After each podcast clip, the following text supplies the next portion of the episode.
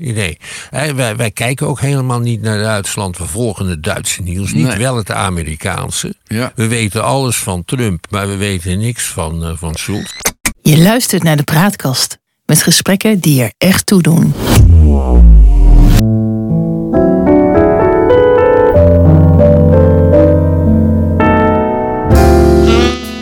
Welkom bij de Praatkast.nl. Dit is een aflevering van het Geheugenpaleis.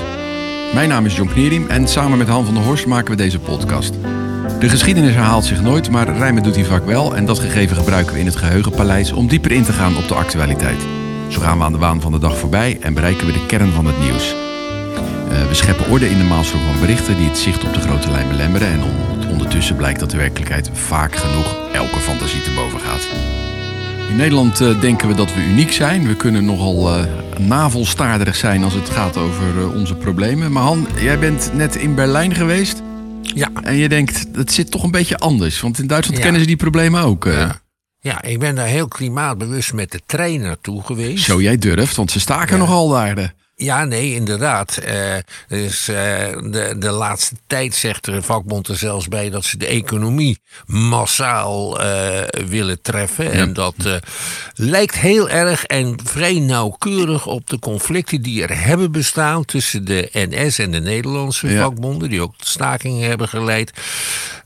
Dat zie je in, in Duitsland, een, zie je een vergelijkbare houding bij de, de leiding van de DB, de Duitse Ja. spoorwegen.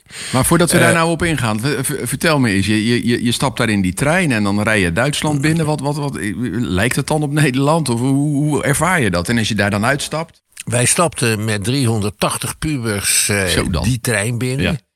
En die pubers gingen allemaal op hun, eh, hun plaats zitten. Die pakten een iPhone of een tablet. En die hebben we zeven uur lang niet gehoord. Dat is En- anders dan vroeger. Ja. Eh, ja, dat is het voordeel eh, van iPhones. En verder is het een, ja, gewoon een, eh, een oudere trein dan waar de ja. NS gemiddeld meerijdt. Ja. Je kunt ook aan de stations, de meeste stations in Duitsland, zien dat de Duitse spoorwegen geen al te beste tijden doormaken. Want die zien er nogal vervallen uit. Ja. Er zijn dezelfde klachten over de punctualiteit dan, eh, dan bij ons. ja. Er is wel iets ingevoerd wat heel bijzonder is. Je kunt voor ongeveer 50, m- 50 euro een maandabonnement. Jij wou zeggen Mark. Ja, ik wou bijna zeggen, Mark. Voor 50, voor 50 euro, ongeveer 50 euro, kun je een maandabonnement krijgen voor het totale openbaar vervoer in Duitsland. Behalve de intercities Ja. en de internationale treinen. Dus in de praktijk kun je dat alleen maar in je eigen gemeente en de omgeving daarvan eh, gebruiken. Want als je grotere afstanden af moet leggen, moet je gewoon het volle pond betalen. Ja. Dit is een manier om eh mens van de regering om eh, Mensen naar de trein te krijgen uit- natuurlijk. in de trein te krijgen, Ja. in het openbaar vervoer te krijgen en uit de auto. Dat lijkt wel erg op wat we hier ook meemaken. Want eh, dat, eh, die pogingen die, eh, die mislukken ook eh, steeds jammerlijk. Sterker, er rijden nu minder mensen met de trein dan voor corona. Ja, dat is ook geen wonder, want in Nederland kiezen we eerder voor prijsverhogingen dan voor prijsverlaging. Ja. Eh, ik heb kritiek gelezen op dat 50 eh, euro plan. En eh, dat is een kritiek die lijkt erg op het soort kritiek dat de Nederlandse regering krijgt. Namelijk, het is te weinig, het is te laat en het is er net naast. ja. Want 50 euro wordt dan gezegd per maand is voor arme mensen, bijvoorbeeld gepensioneerden, die Ja. er in Duitsland vaak heel slecht aan toe zijn, toch nog te veel. Als je er alleen maar in je eigen buurt eh, mee kunt rijden. Dus dit is een cadeautje aan de middenklasse. Ja. Nu moeten wij allemaal denken aan de manier waarop bij ons de energierekening door de overheid wordt gesubsidieerd. Ja. Daarvan heb je ook de kritiek gehoord van ja, dit is eigenlijk vooral een cadeautje aan de middenklasse. Ja. En het enige wat deze regering doet is dralen en halfslachtige maatregelen nemen. Die kritiek is heel erg gelijkaardig met die in Duitsland op de regering daar. Maar kijk, als je nou naar Nederland kijkt, dan hebben wij natuurlijk een kabinet gekregen. wat eigenlijk nogal al breed geschakeerd is. Wat heel op een hele moeilijke wijze tot stand is uh, gekomen. En dan krijg je allemaal van die uh, halfzachte, vage compromissen, zoals we nu uh, ook meemaken. In Duitsland hebben we ook nogal een bijzondere coalitie, waar de ja. Groenen in zitten, de Liberalen en de, en de, en de Socialisten. De, ja, leidt dat zeg maar, die versnippering van, van dat electoraat niet gewoon noodzakelijkerwijs tot dit soort beleid? Zowel in Nederland als in, in Duitsland. Ja, of het noodzakelijk is, weet ik niet. Uh, wat ik wel weet is dat uh, de coalitie in, uh, in Duitsland een beetje uit ongelijksoortige partijen bestaat. Ja, maar dat is hier ook natuurlijk. Ja, en je hebt daar de FDP, dat is de kleinste partner in de regering. Ja. Dat is de liberale partij, die is rechtser dan D66, maar linkser dan de VVD, om zo te zeggen. Ja. En die partij treedt op het moment op als uh, remmende factor bij uh, economische en bij klimaatmaatregelen. Ja. Dat mag allemaal niet uit de hand lopen. Dan heeft de regering die heeft te maken met een stevige oppositie vanuit, uh, vanuit de andere grote Duitse partij, de Christendemocraten, de CDU, ja. de Christendemocraten, verdeeld in de CDU en de CSU, ja. de Christelijk Sociale Unie, die alleen in Beieren actief is. En dan hebben ze natuurlijk de hete adem in de nek van, uh, van, die van de AFD, de Alternatieve oh, ja. voor Duitsland. Dat is uh, zeg maar. PVV, de, hè? Ja. ja, dat is een soort PVV met, uh, met hele, uh, hele vreemde lieden erin. Ja. Zo zijn de beide leiders van de partij, uh, Alexander Gauland, de stichter, en zijn opvolger Tino Tsoupalla, die geen naam heeft, die erg Arisch-Duits klinkt, nee, maar eerder Romaans. Die Tino Tsoupalla uh, die zijn naar de feestelijke receptie geweest op de Russische ambassade vanwege het grote overwinningsfeest op 9 mei. Ja. En meneer Tchoupalla die had een das om in de Russische kleuren. Oh, ja, ja, ja, ja. ja. Wie waren er nog meer op die receptie? Oud-kanselier Gerhard Schreuder. Ja, die is ook overgelopen naar uh, Rusland. Want die is door ja. Poetin aangesteld ooit bij, uh, bij Gazprom. En uh, ja. eet vanaf dat moment uit zijn hand, geloof ik. Ja, en hij ging daar op die receptie heel vriendschappelijk om met een andere gast, Egon Krent. Oh, dus de voormalige, en, dat was de laatste kanselier van Oost-Duitsland, toch? Of niet? Ja, precies. ja. En, uh, en verder waren er, was er ook nog de, de fractieleider van Die Linke in ja, de Bondsdag. Ja, die noemde ik net al. Ja. Ja, iemand die zich altijd heel sterk heeft gemaakt voor Nord Stream 2 trouwens. Die Linke is een andere oppositiepartij, maar dat is verreweg de kleinste. Ja. En die komen bij verkiezingen onder de kiesdrempel van 5 procent. Ja. Maar ze komen toch, toch in, de, in, de, in, in, in de Tweede Kamer, ja, zal maar En zeggen. ik zal uitleggen, uitleggen hoe dat werkt. Ja. De grondwet van, de Veren van Duitsland is. De grondwet van Duitsland is voornamelijk geschreven door de geallieerden. Dus die hebben er een hele ideale grondwet van gemaakt. En daarin staan bijvoorbeeld de voordelen van het districtenstelsel. En de voordelen van het systeem zoals wij dat hier kennen. Met evenredige vertegenwoordiging. Ja. De helft van de bondsdagleden wordt gekozen met een districtenstelsel. En de helft met evenredige vertegenwoordiging. Dan stem je op een uh, partijlijst. En daar dus geldt iedereen... die 5% voor. Maar in dat districtenstelsel is het gewoon de winner takes it all voor een bepaalde ja, zetel. Ja, precies. En als jij Ja. minimaal drie rechtstreekse districtzetels wint, Ja. dan mag je ook in uh, de Bondsdag. Oh ja, dus die bondsdag die varieert ook qua grootte dan. uh, een beetje afhankelijk daarvan. Ja, die wordt, ja, en die wordt ook steeds groter. En daar willen ze nu paal en perk aan stellen, want dat zijn er zo ongeveer eh, 500 Ja. tegenwoordig. Um, er is ook nog een Boendesraad, een soort Eerste Kamer. En die bestaat uit vertegenwoordigers van de regeringen van de landen, van de deelstaten. En daarin heeft de regering ook een parallel met Nederland zijn meerderheid onlangs verloren. Ja, en daar moet ook de, de, de wetten nog eens een keer uh, langs. Dus in die zin Ja. lijkt het heel erg op hoe de situatie hier is. Maar in deze tijd hè, van, van, van grote problemen die te maken hebben met inflatie, met klimaatverandering, met de oorlog in Oekraïne, uh, met, met de energiewende, zoals dat daar heet, het overgaan op andere energiebronnen. Um, het land is daarover verdeeld. Dat is bij ons hier in Nederland, zowel als in Duitsland. Maar er is niemand die een overwegende meerderheid weet te krijgen achter zijn of haar ideeën. Dan is toch het gevolg uiteindelijk dat je ja, dit soort lastige keuzes krijgt. Dit soort halfzachte compromissen.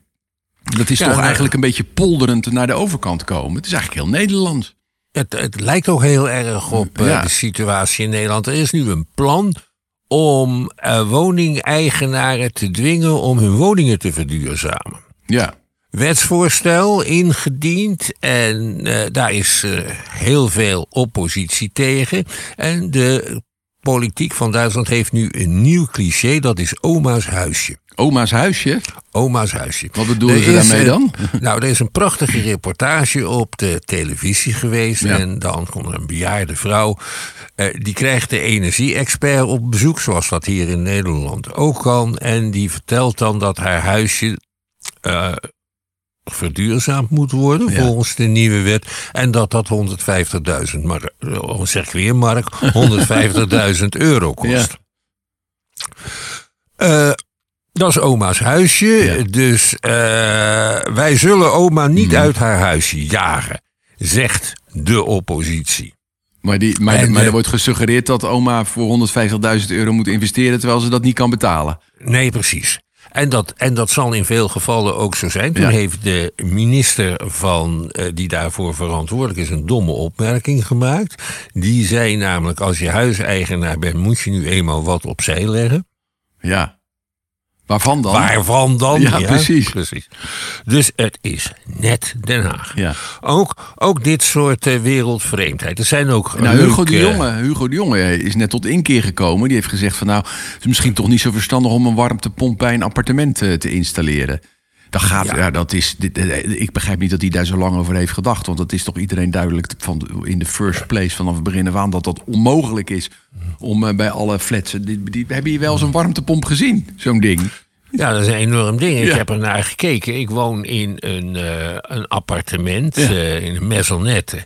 En daar is geen, nergens plek voor een warmtepomp. Bovendien is het vrijwel zeker dat in mijn wijk stadsverwarming komt. Oh, Daar heeft de gemeente voor gekozen. Voor 2030 zal dat niet het geval zijn. Nee. Dus uh, ik ben ook blij dat ik twee jaar geleden toch mijn... Uh, cv-ketel heb vervangen. Mijn cv-ketel uh, heb vervangen. Want als die kapot gaat, wat dan? Ja. Uh, mag ik hem dan vervangen door een ander? Of moet ik er eentje aanschaffen voor de komende twee jaar waarna de stadsverwarming komt? Ja. Dus het zijn allemaal zeer ingewikkelde praktische problemen ja. waar de politiek geen rekening mee houdt. In Duitsland zie je precies hetzelfde en krijg je ook dezelfde kritiek. Ja. Ja, wat, wat zou een alternatief zijn dan, dan daarvoor? Ik, ik denk gewoon dat dat, dat, dat, dat, dat besloten ligt in, in hoe de, de maatschappij nu ingericht is. Je, je kan niet anders. Kijk, dit is een groot maatschappelijk probleem en de oplossing wordt geprivatiseerd. Maar jij zegt, van, dat, jij, jij dat, zegt de overheid dan, zou dat eigenlijk moeten doen. Ik denk dat de overheid dat, uh, dat zou moeten doen. Maar wat zou de overheid dan moeten doen dan? Uh, heel, ne heel Nederland verduurzamen. Maar dat moeten jij en ik uiteindelijk toch gewoon betalen? Ja, nee, inderdaad, uit, uh, uit de belastingopbrengsten. Want wat we nu doen maar is hoe heel is dat ingewikkeld. Dan, hoe is dat dan bijvoorbeeld? We zijn ooit met z'n allen aan de waterleiding gegaan. We ja. zijn ooit met z'n allen, hebben we weer riolering gekregen. We zijn ooit met z'n allen aan het gas gegaan. Dus van de kolen op het gas overgegaan. Ja. Die investeringen, door wie werden die gedaan dan? Uh, door de overheid. En, en dat betalen ze dan uit, uit extra leningen die ze aantrokken of, of ja. uit belastingopbrengsten? Uh, allebei waarschijnlijk. Ja. En misschien hebben ze wel een voorschot genomen op, uh, op de aardgaswinsten.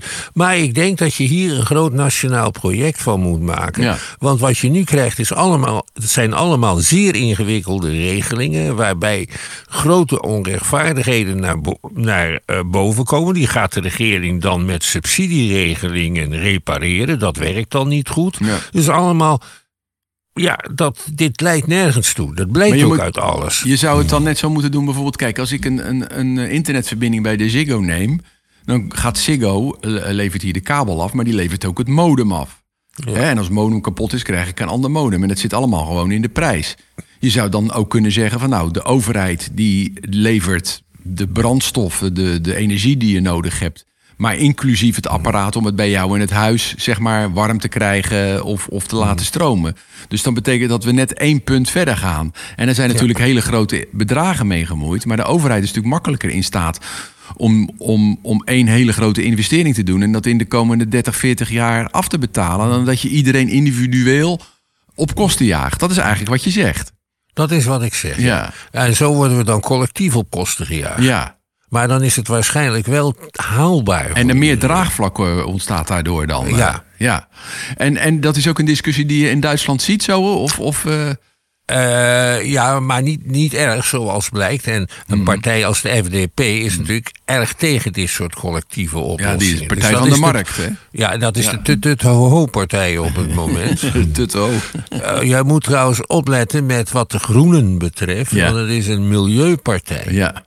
En het is ook wel een, eh, een progressief georiënteerde partij. Maar je, je kunt ze niet zomaar eh, links noemen op de manier waarop dat met GroenLinks in Nederland het geval is. Hè? Want? Omdat ze veel meer op het milieu gericht zijn en maatregelen om het milieu te beschermen dan, eh, eh, dan op, eh, op, laten we zeggen, eerlijke verdeling van het nationaal inkomen of zo. Daarvoor moet je bij die linken zijn. En Oh, dat ja. is heel ouderwets links. Ja, ja, ja, ja, ja. Ja, nou heeft eh, Duitsland ook een eigenlijk een, dat is wel anders dan in Nederland, maar een zeer verouderde industrie eigenlijk. De auto-industrie is denk ik de grootste industrie die er is. Ja. Maar ja, die doet over twintig jaar niet meer mee, want er worden geen auto's meer gemaakt op deze wijze. En die, die verandering hebben ze nog niet door kunnen voeren, denk ik. Nee, er zijn eh, ook eh, zeer vervelende aandeelhoudersvergaderingen geweest bij Volkswagen. Ja. Waar dit soort zaken aan de orde werden gesteld. Koers is Ehm, gehalveerd, geloof ik, hè, zo in de afgelopen jaren. Ja. Ja, de, de werkgeversvoorzitter heeft eh, onlangs nog de Duitse regering aangevallen op de China-politiek. Ja. Eh, niet zo op de moraaltrommel slaan. We moeten de verhoudingen en de banden met China sterk houden. Want de, eh, de auto-industrie is bijvoorbeeld erg afhankelijk van, eh, van China als klant. Ja. Hoewel ik bang ben dat dat ook niet al te lang zal duren. Want China is op het moment bezig betaalbare, voor de grote massa betaalbare Ja. elektrische auto's te ontwikkelen. En daar is de Duitse industrie nog niet aan toe. Je bent nakijken in eh, wat dat betreft. Maar jij zegt dus dat, dat de stem opgaan in, eh, in Duitsland om niet de les te lezen aan China. Om te vertellen Ja. hoe ze hun land in, in moeten richten. Nou, maar meer zegt de reaal wer- politiek eh, toe te passen. Dat zegt de werkgeversleider. Ja, ja, ja. Die Maar trouwens die- zelf zaken doet met China. Ja, dus die heeft daar weer een belang bij. Maar dat soort discussies Ja. hebben we hier in Nederland. Nou ja, we hebben natuurlijk het probleem met ASML. Dat natuurlijk graag Ja. aan China wil leveren. En dat weer niet mag van de Verenigde Staten. En dan, en dan hebben we natuurlijk de zaken met de Oekraïne. Ja. Waarbij eh, Duitsland steeds meedoet, maar wel schoorvoetend. En dat heeft natuurlijk te maken met hun collectieve herinneringen aan de Tweede Wereldoorlog. Ja, maar feitelijk gezien hebben zij na Amerika... leverden zij de grootste bijdrage aan de oorlog in Oekraïne. Ja, Ik geloof dat, dat het dan- 18 miljard is. Het is de helft van Ja. wat Amerika doet. Maar dat zijn toch gigantische bedragen. Weet jij hoeveel Frankrijk doet? Frankrijk doet geloof ik maar 4 miljard of zo. Ja, maar die zetten er een veel grotere mond bij op. En Ja. je ziet ook dat, eh, dat de, de Duitsers dat op een heel voorzichtige manier doen. En Ja. nooit meteen. En zeggen dat ze er eerst over eh, na willen denken. Er bestaat ook binnen Duitsland een zeer, zeer duidelijke oppositie tegen dit soort wapenleveranties. Twee partijen, eh, die, zowel die linken als de AFD, zijn gewoon pro-Russisch. Ja. Zo duidelijk pro-Russisch tref je in Nederland alleen aan bij, eh, bij Baudet en de zijnen. Ja. Maar ja, die beschouwen we in het algemeen toch als niet helemaal goed snik. Ja, precies. Maar dat kan je van de, van de eh, alternatieven voor Duitsland en die linken toch niet zeggen. Dat is een serieuze beweging. Ja, allebei trouwens. Ja, maar Duitsland worstelt wat met die oorlog. Maar uiteindelijk doen ze wel boter bij de vis. En, en eh, Ja, ik denk dat dat heel, heel belangrijk is. Dan winnen ze toch ook wel weer wat punten bij, bij Polen als ze dat laten zien. Want Polen is altijd een beetje wantrouwig ten opzichte van Duitsland, zowel als ten opzichte van Rusland. Ja. Is, is dat te merken of niet? Is dat een discussie die daar ook gevoerd wordt? Nee, eh, niet zo erg. Nee. Uh, er reden wel allemaal bussen door Berlijn. Dan kon je naar de Polenmarkt. De Polenmarkt, wat is dat dan? Ja, uh, er blijken markten te zijn waar Polen hun producten verkopen. Oh, en dat is een beetje à la de zwarte markt in Beverwijk. Ja, ja, ja, ja, ja. ja, ja. Hey, wij, wij, in Nederland kennen we ook dat, uh, dat, dat het steeds moeilijker is om, om politicus uh, te zijn. Hè? Mensen worden uh, bedreigd. Tot de Caroline van der Plas toe, die, die dan beschermd moeten, moeten worden. Is dat ook in Duitsland? In Noord-Rijnland, nee, niet in Noord-Rijnland. In, hoe heet die provincie? Rijnland-Pfalz. Ja. Rijnland-Pfalz, mooie toeristische provincie. Uh, daar hebben ze besloten om maar niet langer de woonplaats van de kandidaten op de stembiljetten te zetten, want die kandidaten worden te veel bedreigd. En in die deelstaat heeft ook de helft van de burgemeesters ervaring met, uh, met bedreiging. Dat is hetzelfde als hier eigenlijk. Uh. Ja. En, en wat doen ze daar, daartegen? bescherming geven en dit soort maatregelen van adres verborgen houden. Ja mensen moeilijker uh, vindbaar maken. Maar de, maar de olifant in de kamer wordt niet benoemd dan? Namelijk van wat, wat zit hier nou achter? Hoe, hoe kan het nou zo zijn dat mensen zich zodanig niet gehoord voelen dat ze bijna militant worden, dat ze gewelddadig worden? Maar dat is een heel lastige vraag om uh, te beantwoorden. Je hebt in, uh, in Duitsland heb je rechtse geweld en ja. uh, een hele klein, een kleine rechtse extreme scene, maar die is wel goed georganiseerd en tot veel bereid. Soms is het een beetje, beetje belachelijk. Uh, we hebben dat, de arrestatie gezien op grote schaal van de zogenaamde Rijksburger. Je ja, die wilden een staatsgreep plegen. Ja, ja, je hebt in Duitsland rechtsextremen die de bond, uh, die de Bondsrepubliek niet erkennen. Ja. Maar die beschouwen zich als burgers van het Duitse Rijk. Dus nog een Duitse Rijk van voor de Tweede Wereldoorlog eigenlijk. Het Duitse, ja. Uh, met de grenzen van 1937. En dat betekent dus dat grote stukken van, Polen. Polen. zoals Silesië, weer bij dat Rijk zouden moeten worden gevoegd. Zelfs het stukje Rusland waar uh, Kaliningrad ligt. En de, uh, en er was een, een, een, vorst van Reusch, dat is een heel klein Duits deelstaatje wat in 1918 eh, is opgegeven. Eh, de man die dat nu zou zijn, die was daar de leider van. En die hoopte op de een of andere manier dat het keizerrijk zou worden hersteld.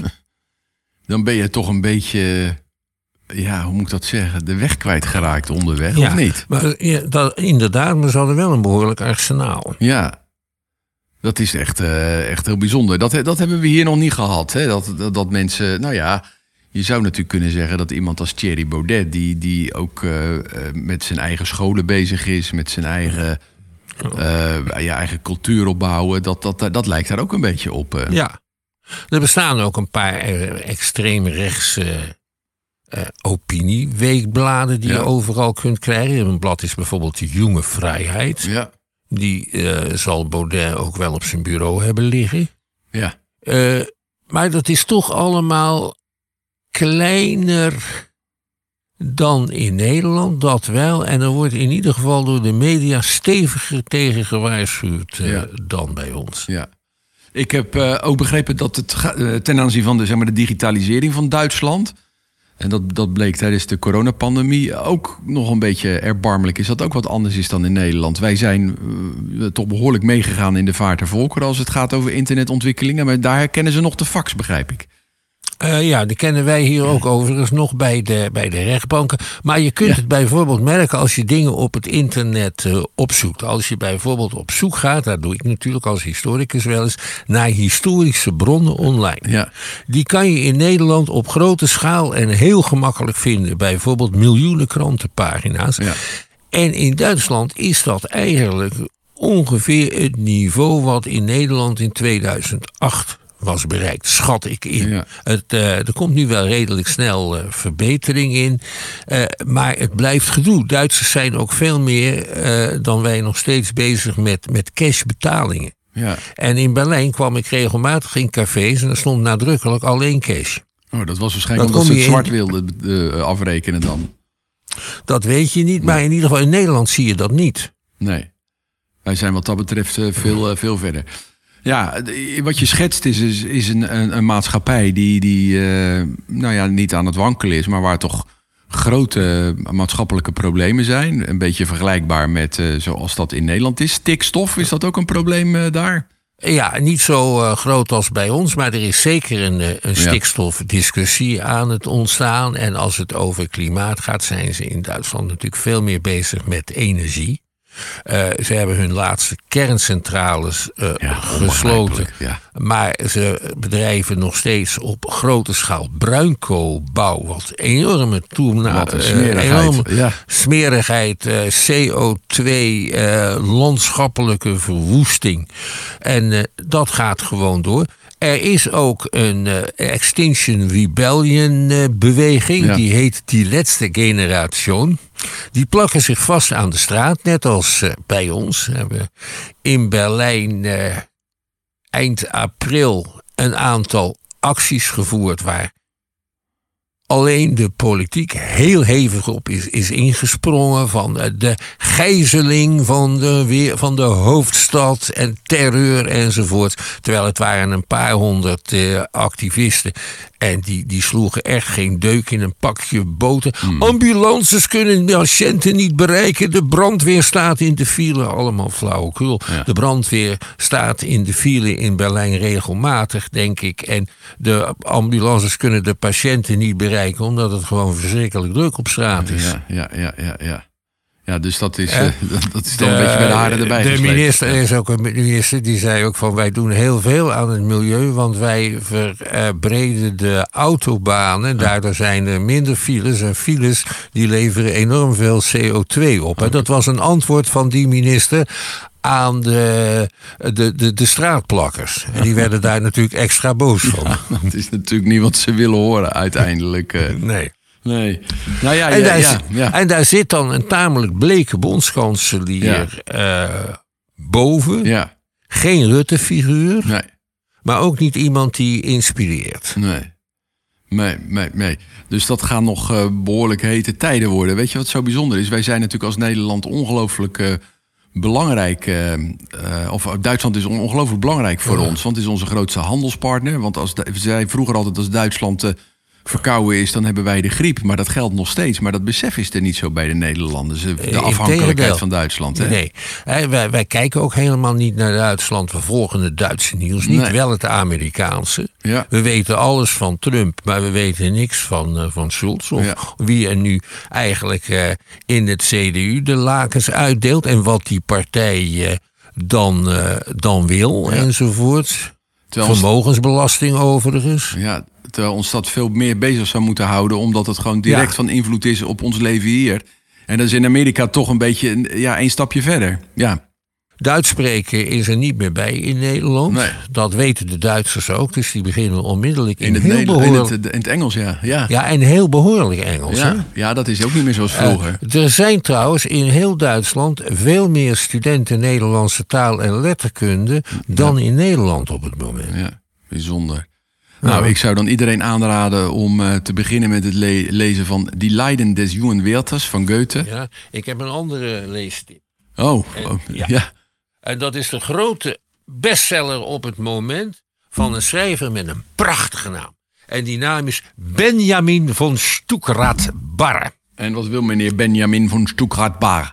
Dat, dat, dat boek heet Nog Wacht. En uh, deze schrijver behandelt daarin het thema MeToo in Duitsland. Het is een geweldig geschreven boek. Het is enorm sarcastisch. Het gaat eigenlijk, hij ontkent dat natuurlijk, over toestanden in het, uh, in het Springer-concern. En de grijpgrage directeur daarvan. Toevallig hebben ze daar zo'n zo'n directeur in het echt. Een soort, uh, een soort John de Mol, ja? Ja, die nu in opspraak is omdat hij gezegd heeft, zou ge- gezegd hebben. ehm Ossies, mensen uit Oost zijn of fascisten. Of het zijn, eh, zijn communisten. En zich buitengewoon laatdunkend over alles en iedereen heeft uitgelaten. Ja. In, in, eh, in, twi- in tweets. En die hebben allemaal in het weekblad Die Zeit gestaan. Oké. Dat is een liberaal blad, daar houden ze niet zo van springen. Maar dit is een, een geweldig boek wat gaat over de wereld van de bekende Duitsers.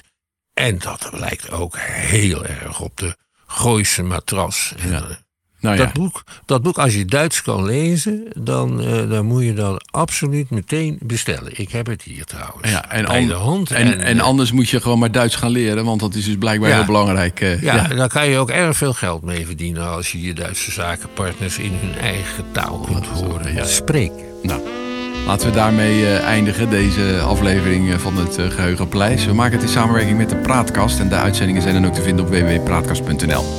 Abonneren op onze podcast kan in je favoriete podcast-app. Dan krijg je automatisch een bericht wanneer een nieuwe aflevering online komt. En vertel je vrienden ook over ons. En laat vooral ook een beoordeling achter, dan vinden de zoekmachines ons sneller. Mailen mag naar info.praatkast.nl. Voor nu bedankt voor het luisteren en tot de volgende keer. Wees gelukkig, blijf gezond.